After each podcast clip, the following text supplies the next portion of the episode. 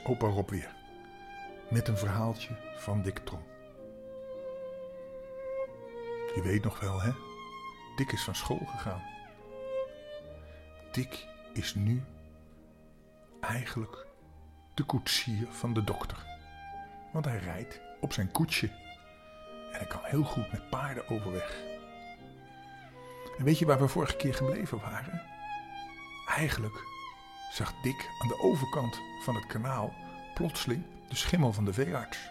En ze gingen een wedstrijdje doen. Want Dick wilde natuurlijk niet dat de veearts veel harder reed dan hij.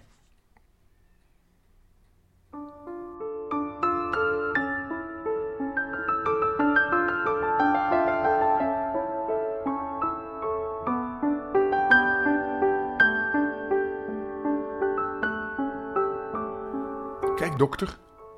Aan de overkant zien we de veearts met zijn nieuwe schimmel. Hij wil ons voorbij rijden. Toe zwart. Ja, ik geloof het ook, Dick, antwoordde de dokter door het geopende voorraampje. Dat is een mooi beest, hè? Die loopt hard. Hard? Hard? zei Dick. Hij loopt niet harder dan zwart. Dokter, wil ik het eens proberen? Jongen, jongen, Dick, ik weet het niet hoor. Die schimmel loopt uitstekend en... Kijk eens, dokter, riep Dick plotseling met vuur. Kijk eens, hij wenkt met de zweep om ons uit te lachen. Dat is uitdagen, hè? Dat is stergen. Vooruit, zwart. Laat je niet van de vliegen steken. Hupla! Vrolijk klapte Dick met de zweep. En met de vaste hand trok hij de leidsels aan. Klets, klets, klonk het boven het rijtuig. Zwart legde zijn oren bijna in zijn nek. En hij liep uit alle macht. Ha, dokter, ziet u wel? Zwart geeft zelfs geen kikje. Als hij de zweep maar hoort, weet hij al hoe laat het is. Vooruit, Zwart. Goed paardje, kom op. Ga verder. Hou je goed, jongen. Die schimmel loopt best, dokter. Ja, Dick, zei de dokter, terwijl hij met genoegen merkte dat zijn zwartje niet voor de schimmel hoefde onder te doen. Ja, Dick, hij loopt best. Maar zwart nog beter. We halen hem in, geloof ik. Geloven, dokter? Ik weet het zeker. Ah, dat is flauw. Hij gaat de zweep gebruiken. Nee, man, niet nodig hoor. Want hij loopt al zo hard als ik kan. Toe, zwart. Hupla. Hup, hup, hup, hup, zwart. De zweep snorde opnieuw door de lucht. Doch Dick zorgde ervoor zijn paard er niet mee te raken. Hij sloeg de beesten nooit, uitgezonderd als ze koppig waren. Dan alleen achtte hij het nodig. Voort, zwart, nog eventjes, jongen. Kijk, dokter, we hebben hem ingehaald. Toe, zwart, laat zien wat je kunt. Hoera, hoera, we zijn voor. Dick keek triomfantelijk om en klapte met zijn zweep. En toen hield hij de teugels in. Bedaar maar weer een zwartje. Je hebt het goed gehouden. Ho maar, mijn jongen. Hij weet al dat je hem de baas bent. Laat hem nu maar gaan. Langzamerhand kwam Zwartje weer tot bedaren. En Dick en de dochter, dokter zochten ook hun gemak. De laatste ging wel hagelijk achterover in zijn koetsje leunen. En Dick zag met ergernis hoe de veearts zijn paard bleef voortjagen. Flauw man, mompelde hij. Het beest kon toch niet harder? Als je zo met hem wil leven, zul je het nooit lang plezier van hem hebben. Eindelijk kwamen ze waar ze wezen moesten.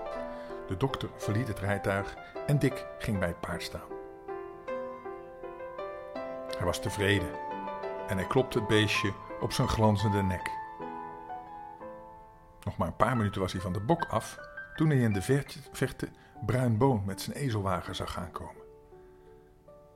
En hij zag het niet alleen, hij hoorde het ook. Want Bruin sloeg hem met de dikke stok zo geducht op los en hij schreeuwde zo luid om zijn grauwtje vooruit te laten komen. Je kon het op verre afstand horen. Maar het hielp niet, hielp niet hoor, dat slaan en dat schreeuwen. De ezel liep uiterst langzaam en bleef zelfs nu en dan helemaal stilstaan. Dan had Bruin weer reuzenkracht nodig om hem vooruit te trekken. Eindelijk, na veel schreeuwen en nog meer slaan, bereikte hij die dik. Maar nu scheen de ezel er echt genoeg van te hebben.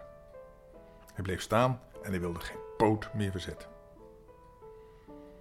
Blauw, bruin sloeg er onbarmhartig op los en schreeuwde als een bezetene. Maar niets hielp. Groutje bleef waar hij was. En Dick ergerde zich eraan. Zeg eens, dierenbeul, riep hij eindelijk. Als je dat beest nu nog langer slaat, krijg je met mij te doen hoor. En dat zal je niet meevallen, geloof dat maar. Zie je niet dat het arme dier niet meer kan? Kijk eens aan, het is een schande. Het bloed staat hem op de huid. Geef het beest liever wat meer te eten. Misschien dat hij je luie lichaam dan wel trekken wil. Zijn ribben steken bijna door zijn vel heen. Dat gaat jou toch zeker niks aan? Wel, riep Bruin, die toch wel een beetje ontzag had voor Dick. En hij dorst niet meer door te slaan op de ezel. Hij krijgt eten genoeg. Het is alleen maar luiheid dat hij niet loopt. Ja, ja, dat geloof ik wel, riep Dick. Hij is bijna net zo lui als zijn baas. Haha, en dat is geen klein beetje. Vooruit, riep Bruin, terwijl hij de ezel aan het bit trok. Doch het was moeite voor niks. Groutje zette zijn poten zo ver mogelijk van elkaar en bleef als een standbeeld staan. Vooruit, riep Bruin, terwijl hij nog harder truc trok. Vooruit, ezel, hallo! Maar jawel, het hielp niets. Er kwam geen beweging in. En Bruin werd hoe langer hoe bozer. Vooral toen Dick begon te schateren van het lachen. Bruin liet de kop van de ezel los en duwde van achteren tegen de wagen, al schreeuwend. Vooruit, ezel, vooruit! Doch ook die moeite werd niet beloond. De dokter kwam terug, gevolgd door de meid en een paar knechts uit de boerderij. En nu beproefden men met vereende krachten de ezel aan het lopen te krijgen. Men duwde tegen de wagen en trok tegelijkertijd aan de ezel, zodat het dier wel moest toegeven. Maar zodra je me losliep, bleef hij weer staan. Nog maar een keer proberen, riepen ze, en voort ging het weer. Op een gegeven moment dacht, dachten, dachten ze dat de ezel nu wel zou gaan lopen. Maar de ezel ging op de grond liggen. En gaf duidelijk aan dat hij geen zin had. Ik denk dat het beest ziek is, zei de dokter. Wat is dat beest toch? Wat is het dier verschrikkelijk mager? Ja, dokter, zei Dick. Hij krijgt meer slaag dan eten. Dat zal wel, riepen de omstanders, die elk ogenblik talrijker werden. Hij heeft ook, hij heeft nogal een beste baas. Ik geloof dat de ezel nog beter is dan hij, die bruin. Dat is een, zelf een ezel. Ho, ho, hop, riep men. Maar het dier bleef liggen. Er was geen beweging in te krijgen. Weet je wat je moet doen, bruintje? Riep Dick. Span hem dan maar gerust af. Haal hem maar van de kar af want dat trekt hij toch niet meer vandaag. Dan zullen we je helpen om hem op de wagen te leggen en dan trek hem dan zelf naar huis, anders kom je er nooit. Hahaha, ha, ha, klonk het overal. Bruin, dan speel jij voor de ezel en dan ligt de ezel op de wagen en dan moet jij de ezel dus trekken. Dat zal een aardig gezicht zijn. Dan trekt de ene ezel de andere. Ach, dat gebeurt toch al, riep Dick lachend. Kom Bruin, zullen we je helpen? Hij moet wel, riepen de omstanders. Die ezel kan hier niet blijven liggen. Pak maar aan, jongens.